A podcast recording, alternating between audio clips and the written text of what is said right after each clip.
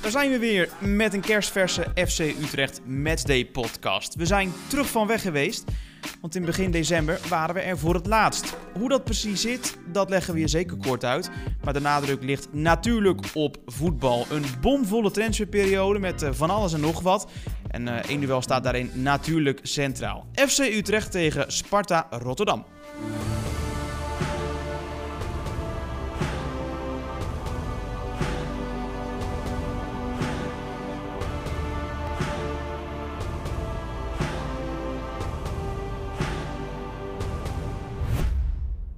Hartelijk welkom en mooi dat je luistert naar een episode zonder gastspreker. Maar natuurlijk wel met mijn eh, vaste sidekick Dick Teunen. Dick, mooi dat je er weer bent. Ja, fijn om er weer te kunnen zijn ook. Ja. Tijdje niet geweest. Um, nou ja, hoe, hoe groot of, of, klein we dat aan gaan pakken. Uh, privéomstandigheden. Ja, klopt. Ik moet zeggen, 2020 was voor mij een eh, heel vervelend jaar eigenlijk persoonlijk in allerlei opzichten. En dat is ook, dat eindigde ook heel, uh, nou ja, vervelend, verdrietig. Um, en daardoor was ik even een tijdje uh, uit de roulatie, kunnen we zeggen. Maar uh, nou ja, ik hoop echt dat 2021 mij uh, een stuk meer gaat brengen dan, dan het vorige jaar. En daarom ben ik ook blij dat, ja, dat ik hier nu weer zit. En dat we het weer lekker over, over voetbal en over FC Utrecht en over spelers die komen en gaan kunnen gaan hebben. Dus ik stel voor dat we dat lekker gaan doen. Ja, het werk weer lekker opgepakt. Waar geniet je dan het, ja, het meest van als je zelf uit een persoonlijk nou ja, dipje komt? Nou, ik moet zeggen, uh, die eerste wedstrijd die ik uh, zag na, na een paar gewoon vervelende weken, dat was MVV Maastricht tegen Jong FC Utrecht. Maar het was heerlijk, gewoon op zo'n tribune. Ik, ik heb dan het voorrecht dat ik er trouwens bij mag zijn, maar ik zat op die tribune. Het was verschrikkelijk koud, er stond een, een ijzige wind door dat stadion. Maar het was heerlijk, gewoon lekker naar het voetbal kijken. Um, met je kop helemaal nergens anders bij zijn dan bij zo'n wedstrijd daar vond, vond ik direct al hartstikke fijn. Dus toen dacht ik ook meteen van, oh yes, ik ben zo blij dat ik dit mag doen. En uh, nou ja, dat ik dit weer heel veel mag gaan doen dit jaar, hopelijk. Dus ja, daar werd ik wel, uh, wel vrolijk van. Ja, dan moet ik heel eerlijk zijn. Ik heb de, de stories op Instagram niet gevolgd. Maar heb je ook met dat McDonald's-ding eventjes daar VV achter ja, gezet? klopt. Ja, is een beetje de running gag. Maar inderdaad, ja, de Geuzelt, uh, daar zit een soort van McDonald's bijna ingebouwd eigenlijk. En ik kan het nooit laten om die gele M dan te verwerken in een storytje waar ik dan MVV schrijf ik dan, zet ik er alleen VV achter. En die gele M, dat vind ik altijd wel geinig. En dat werd ook deze keer trouwens wel weer leuk ontvangen. Dus nou ja.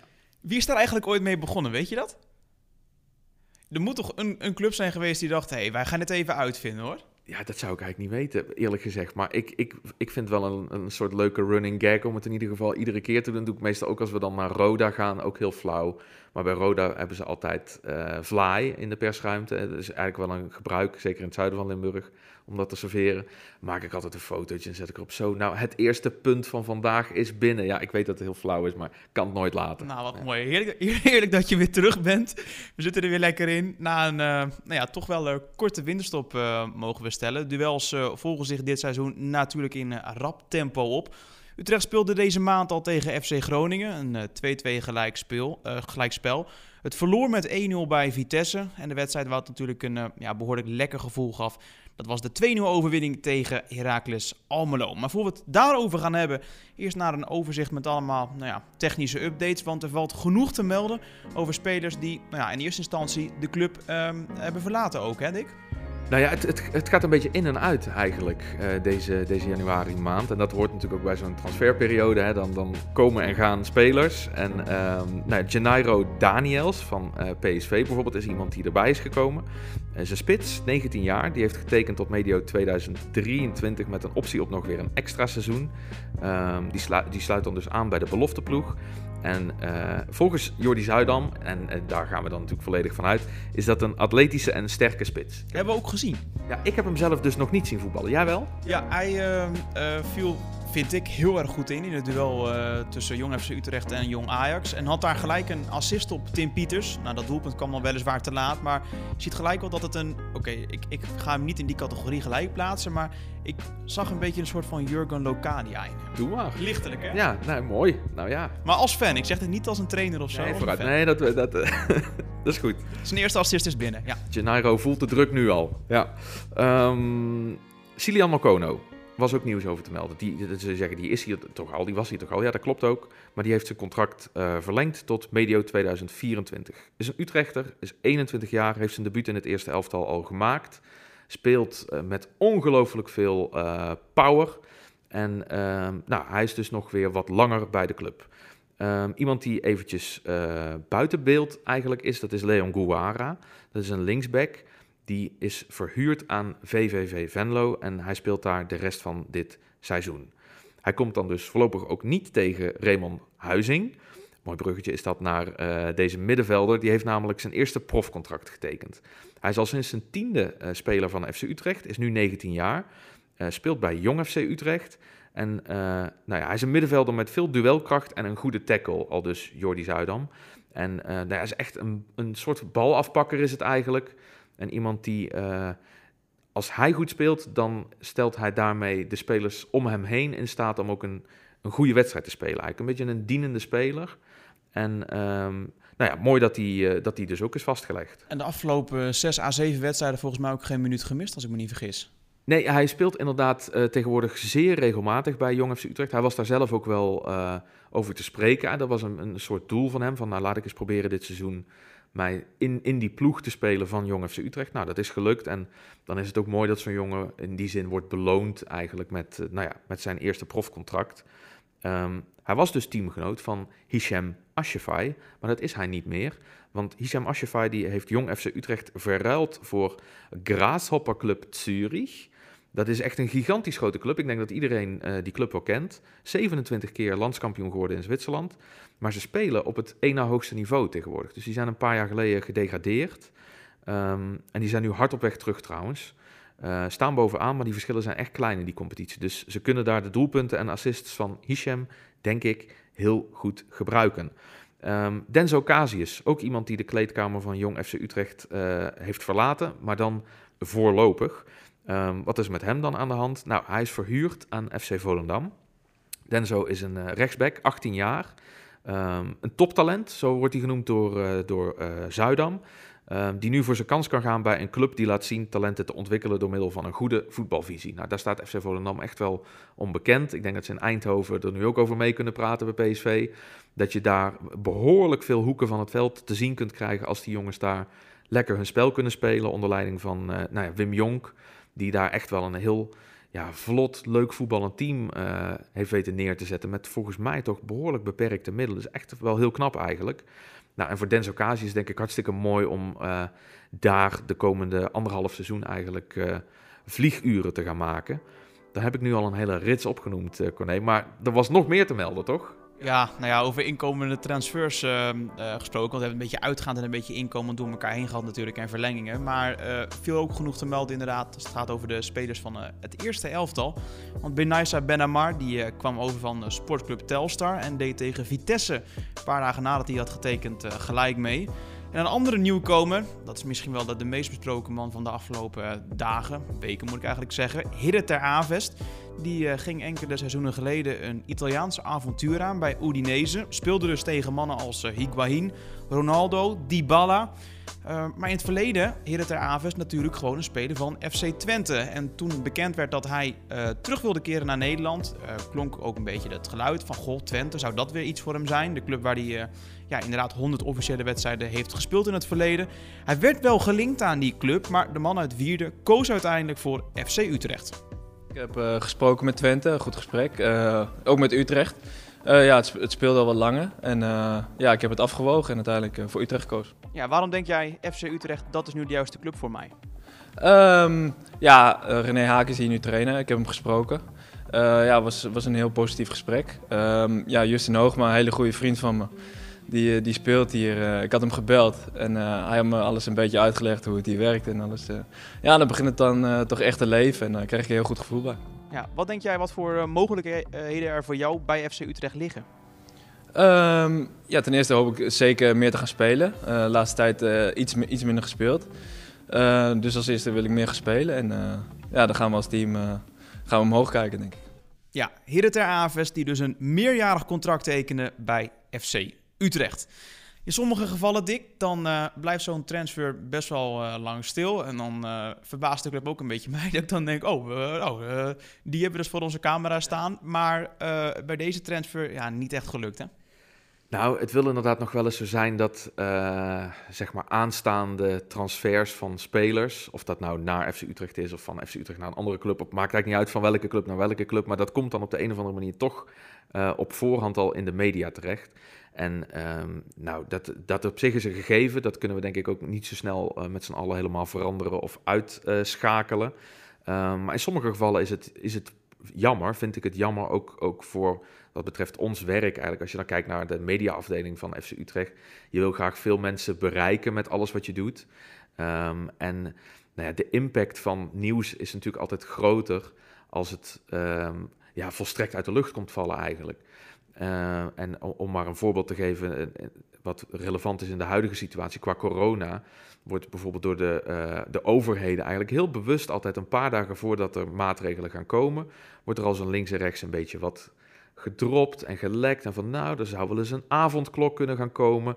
En die zou wel eens vanaf dan en dan in kunnen gaan. En mensen worden op die manier soort van alvast een beetje voorbereid. Dan kan het nieuws alvast een beetje landen. En dan is de, nou ja, de, de impact van het daadwerkelijke nieuws. In dit geval, als je het over corona hebt, zijn het vaak maatregelen waar we met z'n allen niet blij van worden. Um, maar um, bij transfers zijn het vaak berichten waar je, als het goed is, juist wel heel blij van wordt. Um, maar die impact is dan wat kleiner. En dat is eigenlijk, vind ik altijd jammer. Want als die impact groter is, dan, dan, dan verspreidt die olievlek zich vaak ook veel sneller. En nou ja, dat is voor, voor de kanalen van de club wel hartstikke goed en leuk. Maar um, nou, dat, wat ik zeg, het is een gegeven dat dingen soms dan toch al wel uh, bekend zijn. En dan is het aan ons om er alsnog wat leuks van te maken, om er een mooie draai aan te geven. Ja, en dan op die manier toch onze waarde, zou ik willen zeggen, uh, onze toegevoegde waarde daarin uh, ja, te tonen. En nou, dat hebben we met Hidde denk ik ook leuk kunnen doen door, door hem in ieder geval volgens mij 20 seconden nadat hij zijn handtekening had gezet, stond hij al bij jou voor de camera. Nou, dan heb je in ieder geval een gesprek met zo'n jongen, een interview. Dan heb je het eerste interview wat hij geeft als speler van FC Utrecht, op de kanalen van FC Utrecht. Dus op die manier geven we dan toch alweer een, een leuke, goede wending aan. Welke ehm, aankondiging, als je dan kijkt naar, naar het verleden, is echt heel succesvol daarin geweest? Die mensen niet zagen aankomen, die zo, uh, ja, hoe zeg je dat, breed werd gedragen en flink werd verspreid? Nou, ik moet zeggen dat uh, de transfer van Moussa Silla eigenlijk um, naar FC Utrecht, die, die, die, ja, die scoorde wel zo'n ongelooflijk hoog bereik. En uh, dat zat hem vooral in het feit dat het filmpje waarmee we die transfer aankondigden, was gewoon heel, was heel grappig.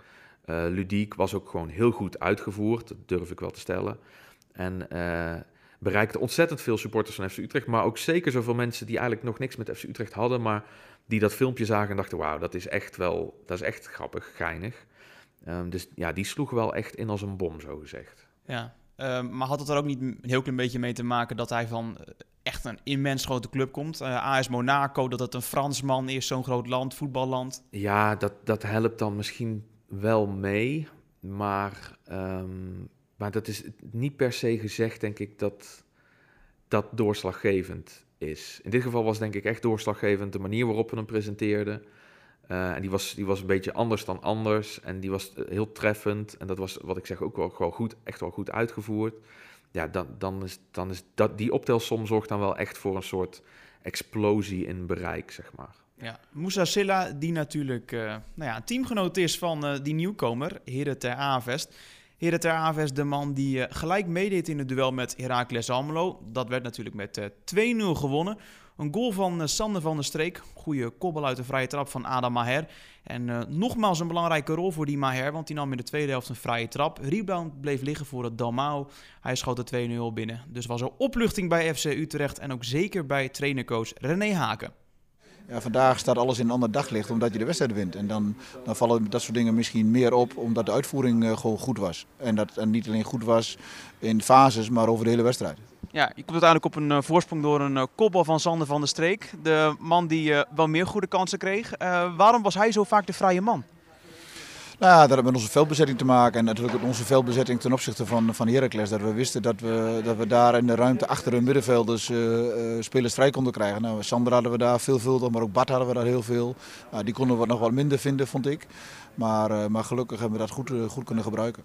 Ja, René Haken was natuurlijk blij. Maar over blije koppen gesproken, Dick. Ik heb er nog eentje gezien deze week. Jij ook? Ja, ik denk dat ik wel weet wie jij bedoelt. Ik denk nou, wie? Jij doelt op Remco Balk. Absoluut. Toch? Ja, die was hier. Die werd uitgenodigd in een sportzaal. Die hebben we hier gelukkig ook uh, uh, eigenlijk om de hoek liggen. En um, nou ja, daar presenteerden wij hem. Uh, er was ook al een transfer die eigenlijk al wel uh, enigszins bekend was. Tenminste, het feit dat, dat Remco Balk op enig moment naar FC Utrecht zou gaan, dat circuleerde al wel even. Uh, maar dat werd dus een overgang per direct van FC Groningen naar FC Utrecht. Hij kreeg het shirtje met rug nummer 30. Hij was daar heel blij mee. Net als met zijn 4,5-jarige contract, waar natuurlijk heel veel vertrouwen uitspreekt. Um, tegelijkertijd is het eigenlijk nog wel een hele jonge jongen die pas dit seizoen bij FC Groningen zijn debuut heeft gemaakt. Ook meteen trouwens alle spotlights op zich gericht uh, wist toen hij uh, zijn eerste goal in betaalde voetbal maakte. Was namelijk de 1-0 en ook meteen de enige goal van de wedstrijd FC Groningen-Ajax. Dus nou ja, Remco Balk werd in zijn eentje uh, als jonkie eigenlijk nog de matchwinner in die misschien ja, toch wel een van de mooiste wedstrijden van FC Groningen van het seizoen. En nou ja, die liep hier dus rond met een big smile op zijn gezicht. En um, zoals dat dan wel vaker gaat met nieuwe spelers, stond hij natuurlijk ook al vrij vlot voor jouw camera. Ja, ik had natuurlijk met uh, Utrecht gesproken in januari. En uh, ze kwamen echt met een goed plan voor mij. En als ik, uh, ja, natuurlijk hoop ik zoveel mogelijk in het eerste minuut te maken. Maar als ik daar dan niet speel, kan ik in jong spelen. En ik denk dat belangrijk voor mijn leeftijd is om veel te spelen, zodat ik me het best kan ontwikkelen. jonge spelers proberen verder te brengen. En uh, dat proberen we natuurlijk vanuit onze opleiding. Dat zie je met een Tommy Santiago, nu een Mokono. Maar ook jongens die we vanuit, van buitenaf uh, kunnen, kunnen halen, wat, wat, wat kansen voor ons zijn. En uh, ja, als je, als je zo'n talent aan je club kan binden, dan, ja, dan zijn we daar uitermate tevreden mee. Ja, hey, en dan een contract voor 4,5 jaar. Jij denkt, pak het gelijk goed aan? Ja, dat is natuurlijk lang, 4,5 jaar. Maar ik denk dat het wel het beste voor mij is. Ja, Remco Balk die deze week ook gelijk verscheen op het trainingsveld op sportcomplex Zoudenbach. En wie weet Dick, maakt hij uh, tegen Sparta thuis mogelijk alweer uh, zijn uh, debuut gelijk in de hoofdmacht van FC Utrecht. Voelt eigenlijk wel ja, als eeuwen geleden dat wij tegen Sparta Rotterdam hebben gespeeld. met alle respect, het is een zeer gewaardeerde eredivisionist. Opgericht in 1888, daarmee de oudste uh, ja, club op het hoogste niveau. Zij hebben 21 punten, wij hebben dat ook. Dus kunnen we toch een beetje stellen dat het een soort van ja, zes punten duel is, hoe je het ook bent of verkeerd. Wat voor leuke feiten heb jij gevonden bij uh, dit duel? Nou, die waren er gelukkig weer voldoende te vinden. Uh, ja, je zegt het al, het voelt eigenlijk als een eeuwigheid geleden dat we tegen ze hebben gespeeld. Um, dat valt op zich nog wel mee. Tenminste, de laatste keer dat we tegen speelden was op 8 maart 2020. En wat die wedstrijd misschien voor, voor veel mensen memorabel maakt, Los van het feit trouwens dat FC Utrecht er met 5-1 won. En dat was hartstikke mooi.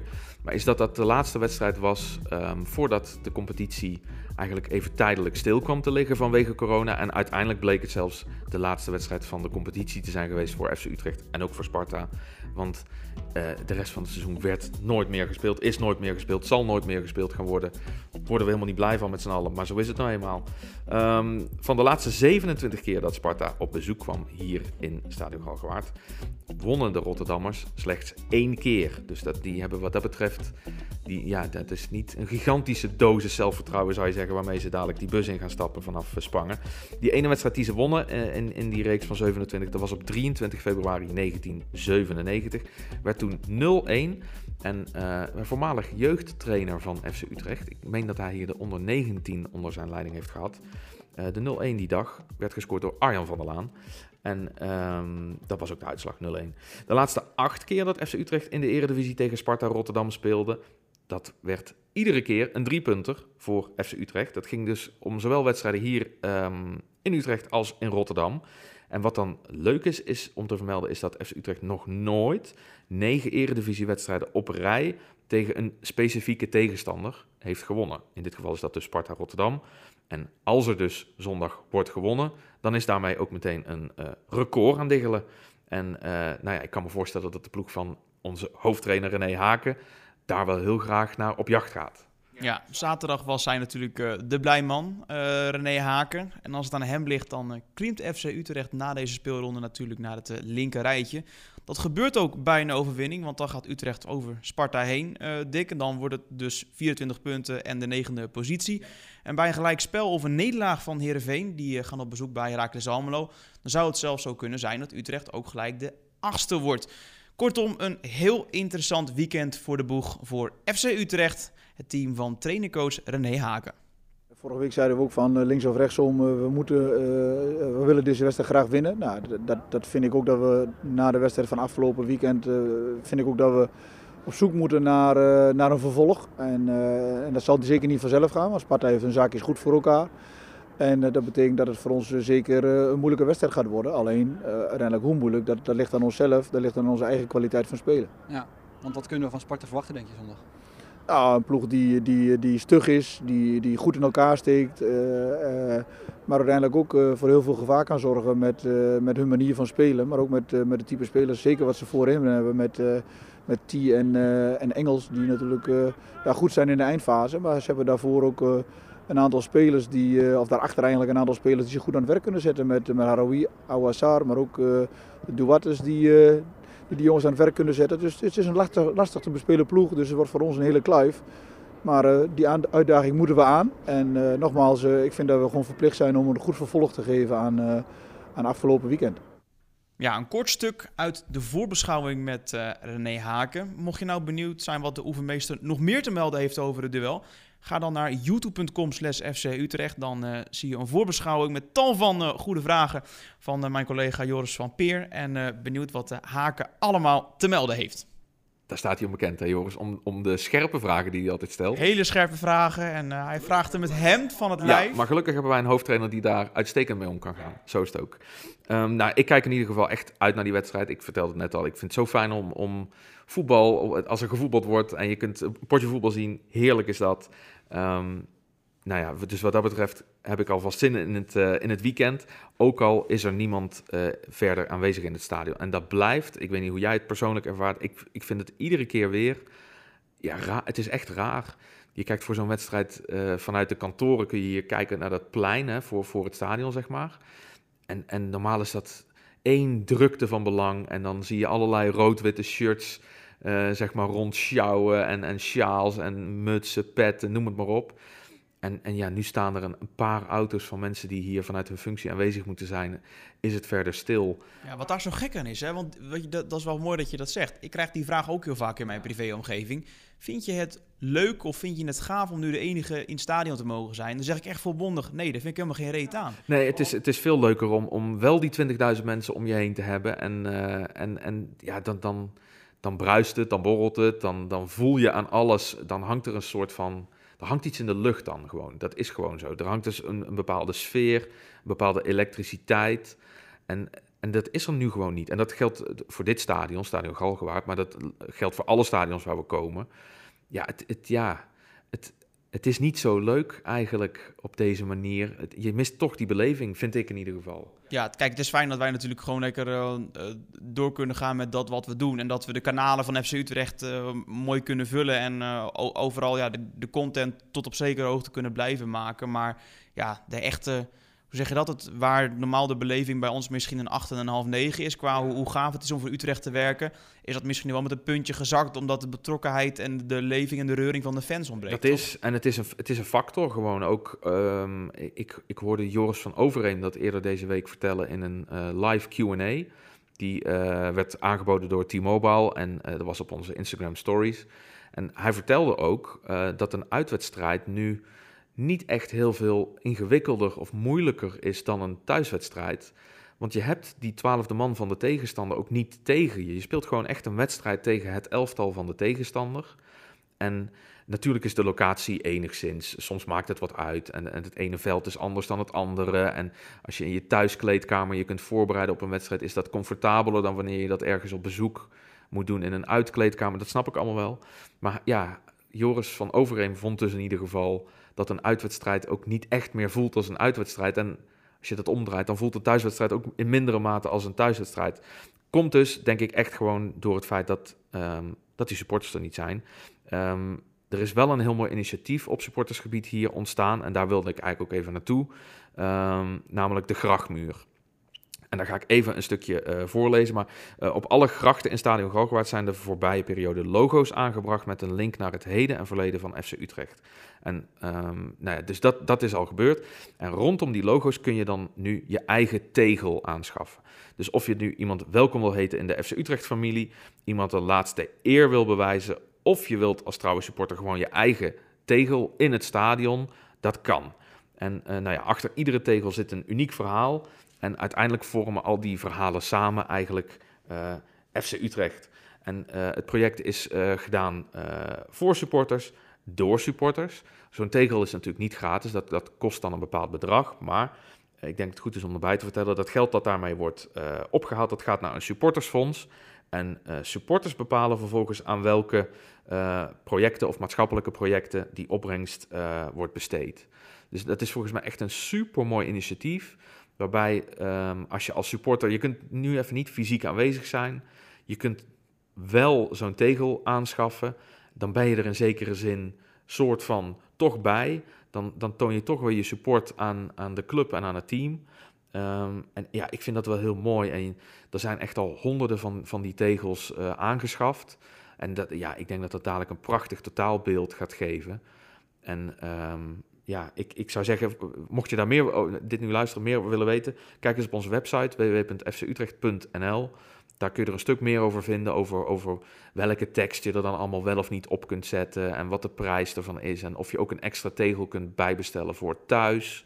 Um, dat vind je allemaal, kun je allemaal daar vinden.